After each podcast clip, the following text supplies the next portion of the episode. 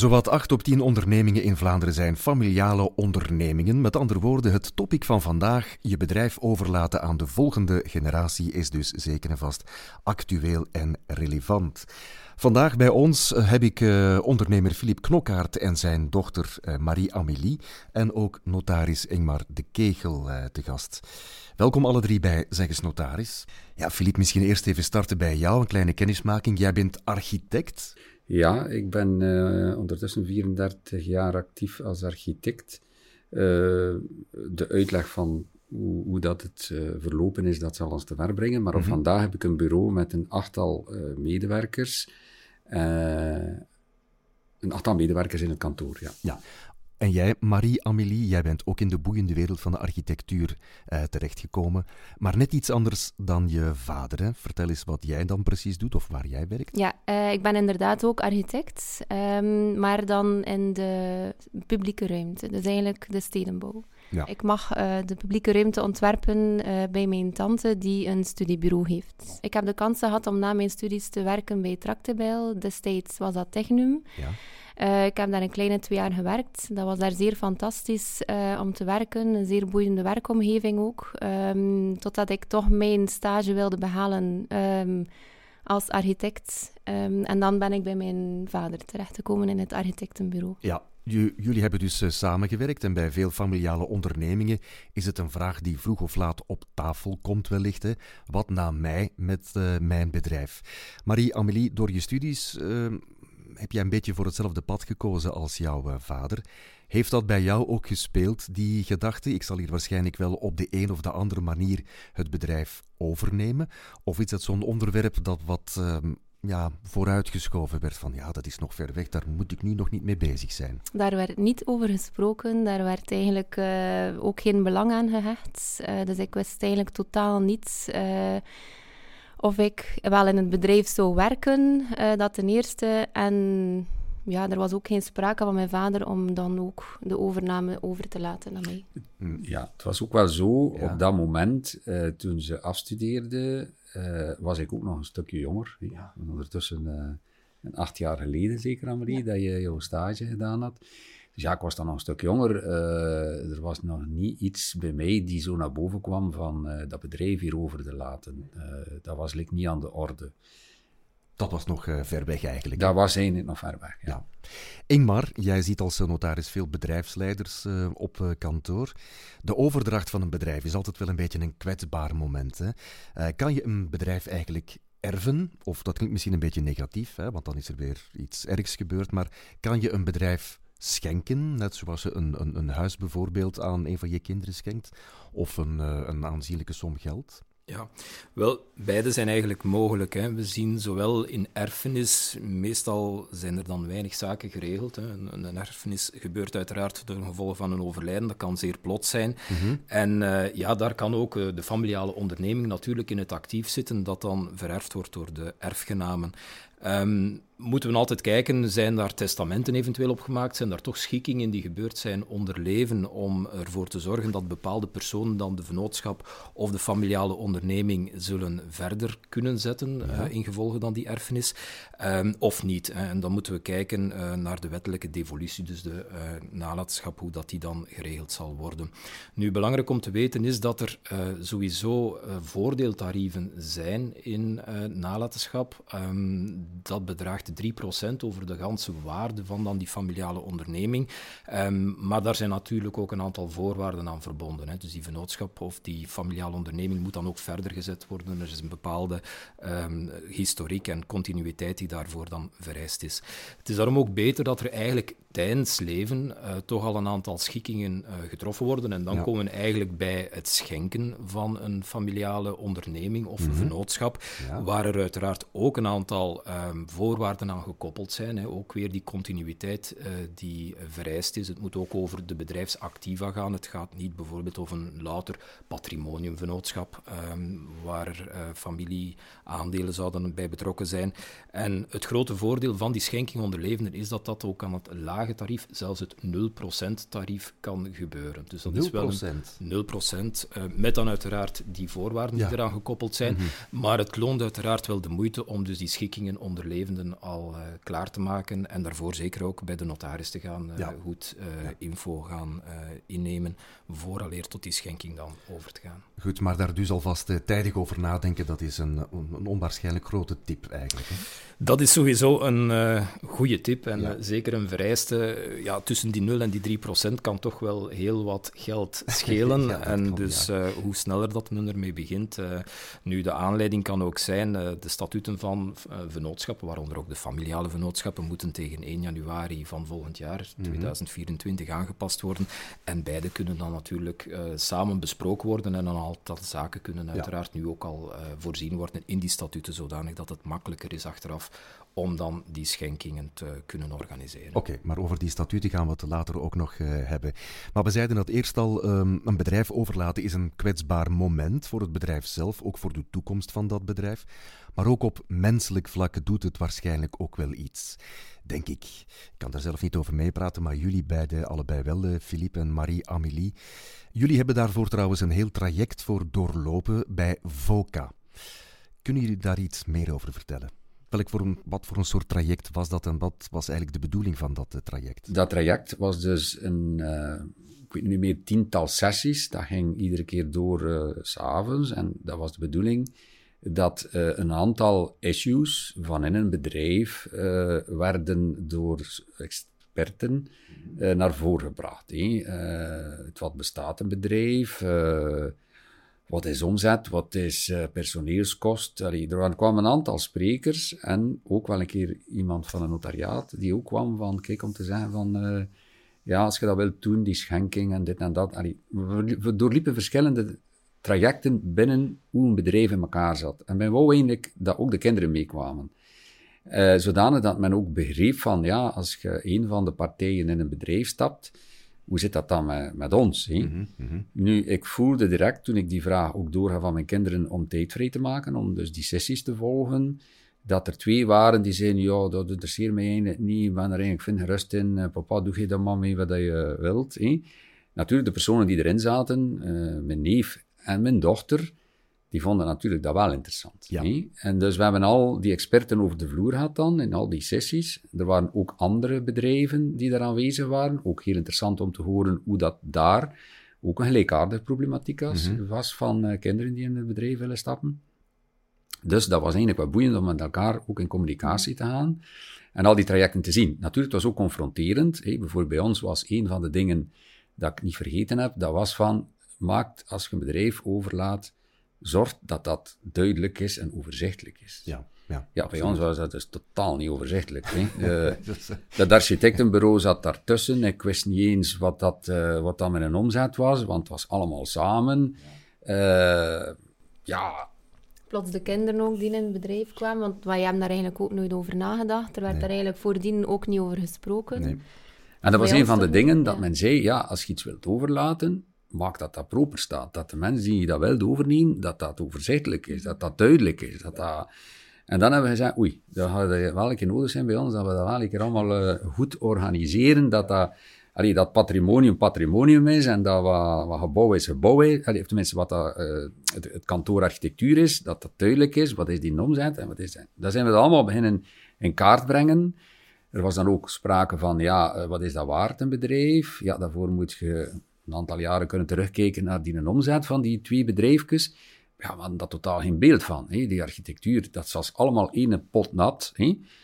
Dus we konden dat, met het allemaal een beetje gaan uitfilteren dan, om te kunnen zien van, oké, okay, het architectuurbedrijf, dat heeft een omzet van zoveel, en dat bedrijf is Dus dat was een heel kluwen en pluizen om te zoeken van, ja, hoe zit dat hier nu? Hè? Mm Dan hebben we ook de vraag, dat, was, dat vond ik wel interessant, om te zien van, oei, we moeten hier eigenlijk wel we kennen ons bedrijf eigenlijk niet. We moeten dat hier een beetje proper zijn. Als er dan morgen iemand komt, dat die mens dat kan in, in, in, twee minuten zien. Ah, dat is de omzet, dat is de winst, dat is de kost, dat is dit, dat is dat.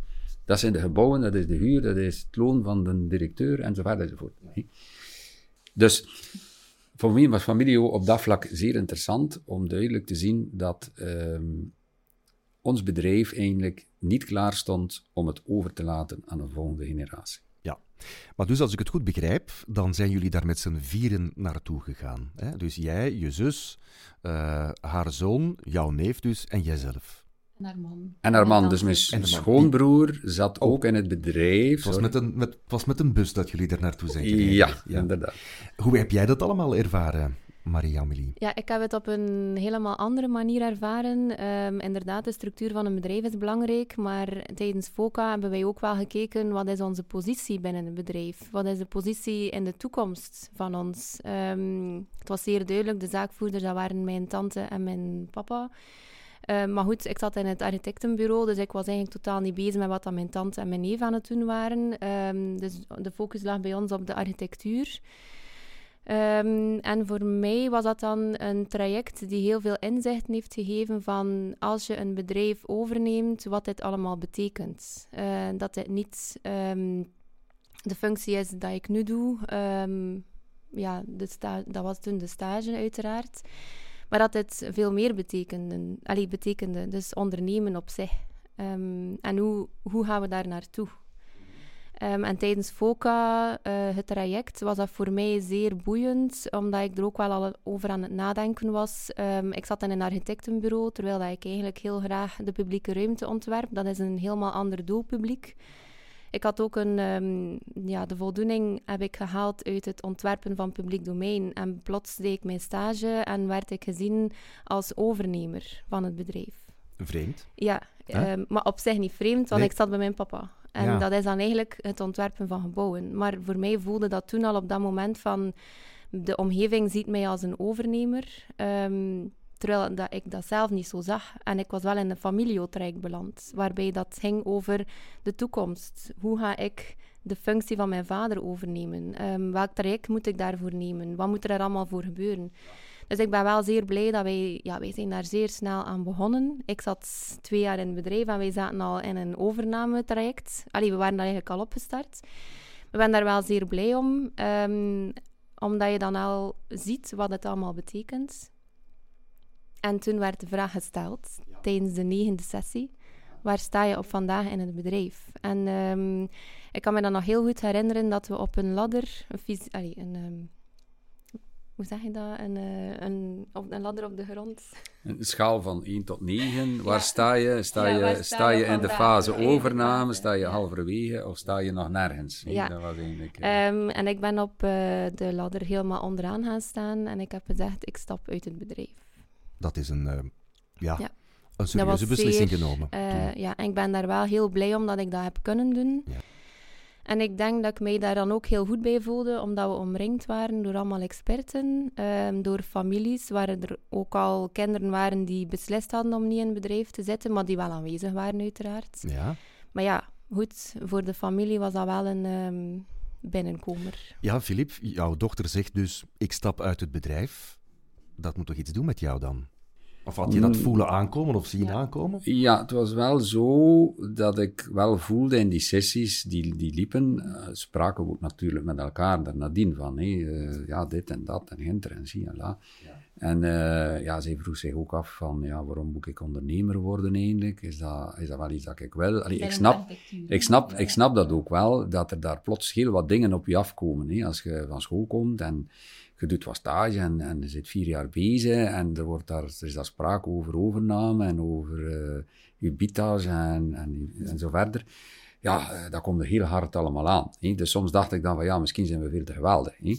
Maar ik wist eigenlijk al bij het zien van, toen ze bij ons werkte op het kantoor, had ik ook al onmiddellijk het gevoel zo van, allee, haar ding ligt daar niet. Mm -hmm. ja. Een architectenbureau is, uh, ja, dat gaat over uh, veel meer dan uh, ontwerpen. Hè. Ontwerpen is één deeltje, maar daarnaast heb je natuurlijk ook het bouwen zelf, die, die wel vrij complex is en steeds complexer geworden is. Ja. Maar goed, dus dat heeft haar geholpen om voor haarzelf duidelijk te maken van, kijk, ik ga niet in die architectuur verder, ik ga verder in de wereld van publieke publiek domein. Uh, dat is een beetje het leuk van mijn, van mijn zus eigenlijk, waar, waar dat ik ook wel nog voor 10 of 15 procent actief was als ontwerper. Mm En ik zei tegen Amelie, ik zei, ja, uh, je hoeft geen niet bij mij, hè, maar je kunt ook bij mijn zus nog gaan. Hè, maar dan laat ik dat misschien straks aan haar over. Ja.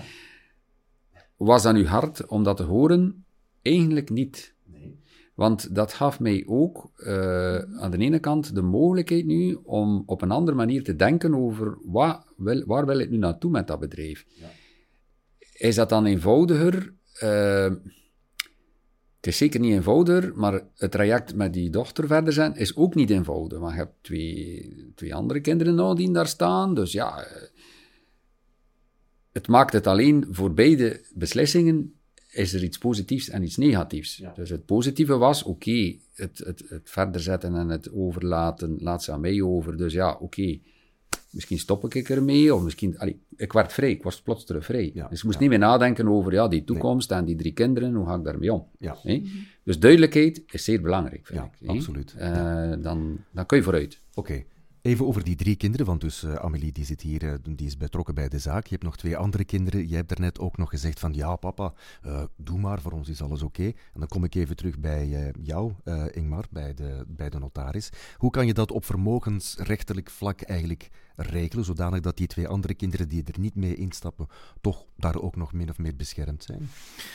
Tuurlijk, elk dossier is verschillend. Hè? dus we horen het hier van uh, Philippe en Marie-Amélie. Ehm, soms hebben we dat kinderen allemaal geïnteresseerd zijn om mee te stappen, uh, in te stappen in het bedrijf. Soms ook niet. Um, moeten we gaan kijken, uiteraard, uh, met de cliënten, wat zit er in het vermogen. Hè? Dus naast het familiebedrijf of de familieonderneming is daar ook nog een tak vastgoed, is daar nog roerend goed. Um, meestal hebben de ouders dan wel de bedoeling om alle kinderen toch gelijk te behandelen en dan, ja, als een van de kinderen met de familiale onderneming verder gaat, daar de aandelen eventueel in krijgt, ja, hoe kan dat gecompenseerd worden uh, met de rest? Is natuurlijk die familiale onderneming zodanig groot dat dat met de rest niet kan gecompenseerd worden. Ja, dan moeten we gaan kijken hoe kunnen we het binnen de vennootschap of binnen de onderneming dan oplossen. Um, de nieuwe wetgeving laat ons ook toe om in de statuten zelf daar aanpassingen en correcties op aan te brengen. We kunnen aandelen gaan creëren die dan wel kunnen delen in de winsten, andere aandelen bijvoorbeeld niet. Um, en ook ja, aandelen die bijvoorbeeld meer stemrecht hebben in die vennootschap, waardoor we bepaalde pakketten aandelen bij die andere kinderen kunnen brengen, die dan eigenlijk geen zeggenschap zouden hebben in die vennootschap, of die ook niet zouden delen in de winsten. Want natuurlijk, het kind dat in die vennootschap al het werk doet, daar volledig de schouders onder zet, ja, het is ook de bedoeling dat hij daar uh, de vruchten ook van draagt, terwijl dat die andere twee, als die dan totaal iets anders doen, ook inkomsten kunnen verwerven uiteraard, maar dat die dan nog eens extra mee profiteren van die activiteiten uh, in die vennootschap. Ja, ja, dat begrijp ik. Ja, oké. En kan je als bedrijfsleider een stap terugzetten zonder de volledige controle over je bedrijf te verliezen?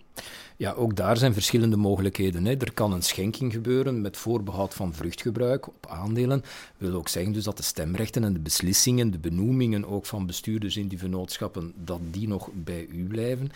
Um, als u natuurlijk als bedrijfsleider zegt van ja, dat interesseert mij eigenlijk allemaal niet meer, die, die dagdagelijkse sleur van die vennootschap of die onderneming, ja, u kan ook natuurlijk altijd iemand extern gaan zoeken. hè? Dus die u dan als manager, als eigenlijk bestuurder van die vennootschap um, ja, aantrekt. Uh, want natuurlijk, het vermogensrechtelijke aspect van die onderneming, van die vennootschap, ligt niet gelijk met het bestuur. Hè? Dus dat kan perfect iemand anders zijn. Dat moet natuurlijk wel een managementovereenkomst of een bestuursovereenkomst zijn, eventueel met dan mogelijkheid om later toch uh, in de vennootschap of in de onderneming dan uh, ook in te stappen. Zolang daar maar goede afspraken gemaakt worden. Dat is altijd vereist en daarom dat we ook altijd zeggen dat best op tijd daar mee te starten. Juist, ja. Nu, het mooie aan jullie verhaal is dat jullie aantonen dat bedrijfsleiders wel degelijk die denkoefening op tijd durven aangaan. Het resultaat daarvan is dat Marie-Amélie uh, voor jouw zus werkt, Philippe, uh, samen met jouw neef, mm -hmm. Marie-Amélie. Maar dat wil zeggen, Philippe, dat jij nog iemand zoekt om je bedrijf over te nemen. Ja, dat klopt. en dat is... is nog een paar andere mouwen. Ja, dat is inderdaad niet zo eenvoudig. maar zoals ik zei, het ik denk dat in beide situaties niet eenvoudig is. Als je met je andere kinderen zit en een van de kinderen doet het verder, heb je ook een bepaalde uh, uh, zoektocht naar hoe los je het op. Ja. En als je nu in mijn situatie zit van iemand anders zoeken, is dat ook een, een manier om daarmee bezig te zijn. Ja. En daar ben ik ook wel mee bezig. Ja. Mm -hmm. Oké. Okay. We hebben het in deze podcastreeks ook vaak over statuten. Ik kom weer even bij jou, Ingmar. En het belang om die te herzien wanneer dat nodig is.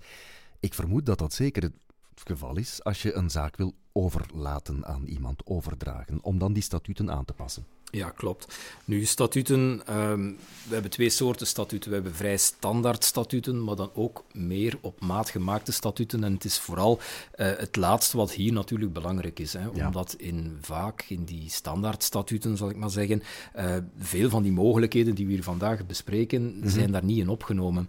Dus het altijd een beetje maatwerk op het ogenblik dat cliënten dan met uh, de problematiek geconfronteerd worden, of in het kader van voorbereiding om dan overdracht van uh, bedrijfsvermogen en, en ook dus de familiale onderneming te regelen, dat we toch gaan kijken van wat kunnen we aanpassen in die statuten om dat enerzijds al te voorzien, anderzijds specifiek op het ogenblik zelf dan aan te passen, zodanig dat dat allemaal perfect geregeld is. En dan komen we eigenlijk nu dat we de twee een beetje kunnen combineren, aangezien dat uh, vennootschappen sowieso nieuwe statuten dienen aan te nemen voor eind dit jaar, kunnen we van beide uh, zaken eigenlijk van die gelegenheid gebruik maken om dus die beide te combineren en nu al een aantal zaken voorzien, zodanig dat dat dan op termijn zeker nuttig en zeker uh, mm. vlot kan gebeuren. Oké, over die statuten gaan we binnenkort nog meer praten. Marie-Amélie, jij werkt dus nu meer in de ruimtelijke ordening. Um, je volgt je eigen weg. Welke tip zou jij kunnen meegeven aan mensen die ouders hebben met een familiaal bedrijf en die misschien met dezelfde aarzelingen zaten en met dezelfde vragen zaten als jij toen, of nou, enige tijd geleden? Ja, ik vond het zeer interessant uh, dat we zeer vroeg in het stadium um, het familietraject gevolgd hebben, zodanig mm dat de kinderen in het familiebedrijf een inzicht kregen in wat is ondernemen, wat betekent dat. Um, hoe kunnen we uh, naar de toekomst kijken en wie past daarin? Want het is vaak een uh, logische stap dat de kinderen het overnemen. Ja. Maar dat is niet zo. Nee. En um, ik ben daar ook zeer dankbaar voor dat ik altijd ondersteund ben in de keuze die ik wil. Maar ik mhm. ben ook wel dankbaar dat ze mij een beetje gepusht hebben in de richting van het volgen van het familietraject, om ook wel die inzichten te krijgen in een ondernemer toekomst, um, wat betekent dat? Filip, kan je dat nog op de een of de andere manier een beetje aanvullen? Ja, ik raad ieder ondernemer aan om uh, zich vroegtijdig inderdaad uh, te laten begeleiden. Het zij via VOCA, het zij via andere kanalen. Om, uh, om dit te doen, dit traject. Omdat dat bij ons heeft dat echt wel gewerkt. Dus het bedrijf staat zuiver, staat klaar om overgelaten te worden. En dit vind ik wel belangrijk. Ja. ja. Notaris De Kegel, Ingmar. Jij raadt ook aan om daar snel over te praten, of toch niet al te lang te wachten, vermoed ik? Ja, we hebben het er juist ook al gezegd. Hè? Dus niet alleen de familiale onderneming, maar er zijn ook nog andere zaken die vaak dienen geregeld te worden. Mm daarom dat het altijd aangeraden is om op tijd is uh, tussendoor zelfs bij de notaris langs te gaan om de zaak te bespreken en te kijken wat we kunnen uh, voor u doen. En zeker op tijd alle nodige stappen kunnen zetten. Voilà, dat is helemaal duidelijk. Marie-Amélie, Filip en Ingmar, van harte bedankt om jullie verhaal en ervaringen te delen in deze misschien wel wat moeilijke problematiek, maar ik weet zeker dat eh, een aantal mensen die luisteren zich in deze problematiek zullen herkend hebben en daar een en ander over hebben opgestoken. Als je nog vragen hebt over hoe je de overdracht van je onderneming moet regelen, dan kan ik je uiteraard altijd doorverwijzen naar dat VOCA Familio traject, dat heel interessant is. En natuurlijk kan de notaris uiteraard ook altijd helpen. Zo, we zijn rond. Bedankt om te luisteren en heel graag tot een volgende aflevering.